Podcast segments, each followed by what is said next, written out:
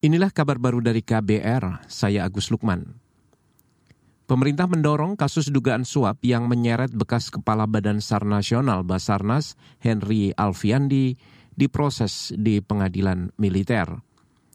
Menteri Koordinator Bidang Politik Hukum dan Keamanan Mahfud MD meminta polemik penanganan perkara Kepala Basarnas tidak diperdebatkan berkepanjangan.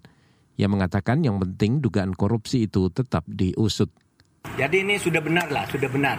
Dan syukur sekarang kan sudah ditahan. Hmm. Artinya saya secara pribadi berpendapat itu peradilan militer itu lebih steril dari intervensi opini publik, opini media, opini uh, eh, LSM dan intervensi politik. Peradilan militer selama ini ya. Sehingga uh, saya sangat yakin bahwa ini juga akan diperlakukan sebagai pelaku korupsi yang benar dan dihukum berdasar hukum korupsi. Itu tadi Menko Polhukam Mahfud MD. Sebelumnya KPK menetapkan lima tersangka dalam kasus suap proyek pengadaan barang dan jasa di Basarnas tahun anggaran 2023. Dua tersangka di antaranya merupakan anggota TNI yaitu Henry Alfiandi dan Afri Budi Cahyanto. Penetapan tersangka ini menuai protes dari TNI hingga KPK meminta maaf dan mencabut status tersangka dua orang itu. TNI selanjutnya mengambil alih kasus itu dari KPK. Polemik ini menuai kritik dari berbagai pihak, Kalangan masyarakat sipil mendesak agar kasus ini ditangani melalui peradilan umum sebagaimana Undang-Undang Tindak Pidana Korupsi. Kita ke informasi lain, Saudara Kementerian Pemuda dan Olahraga akan meluncurkan layanan satu pintu berbasis elektronik untuk kegiatan permintaan perizinan kegiatan seni dan olahraga. Menteri Pemuda dan Olahraga Dito Aryo Tejo mengatakan kebijakan ini diambil untuk memastikan para penyelenggara dapat memantau secara langsung perizinan yang diajukan terkait kegiatan seni dan olahraga. Selain itu, kebijakan satu pintu dinilai akan meningkatkan transparansi dan akuntabilitas. Nantinya kita akan meluncurkan terkait perizinan untuk kegiatan seni dan olahraga jadinya satu pintu.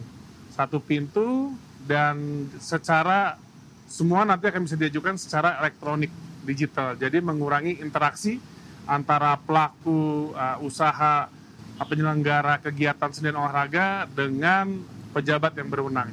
Menteri Pemuda dan Olahraga Dito Aryo Tejo berharap kebijakan ini dapat mendorong industri seni dan olahraga untuk menyelenggarakan acara dengan lebih mudah dan terukur.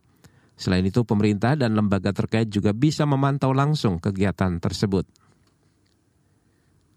Kita ke Jawa Tengah, Saudara Federasi Sepak Bola Dunia FIFA mengecek langsung kesiapan penyelenggaraan Piala Dunia U17 di Solo, Jawa Tengah. Laporan selengkapnya bersama kontributor KBR Yuda Satriawan.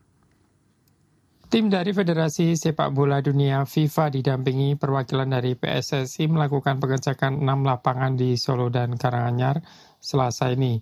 Kepala Dinas Pemuda dan Olahraga atau Dispora Pemkot Solo, Rini Sumandari mengatakan ada empat personil dari tim FIFA yang didampingi PSSI dan Kementerian PUPR melakukan inspeksi.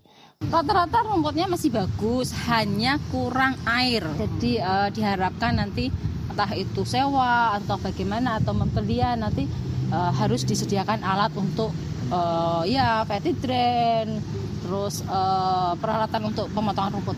Lalu dari apa uh, infrastruktur, sarana prasarana, yeah. ya terus dari keamanan. Rombongan mengecek lima lapangan pendamping untuk latihan di kota Solo dan venue utama yakni Stadion Manahan sambil membawa berbagai dokumen. Dari Solo, Jawa Tengah, Yuda Satriawan, KBR. Inilah kabar baru dari KBR, saya Agus Lukman.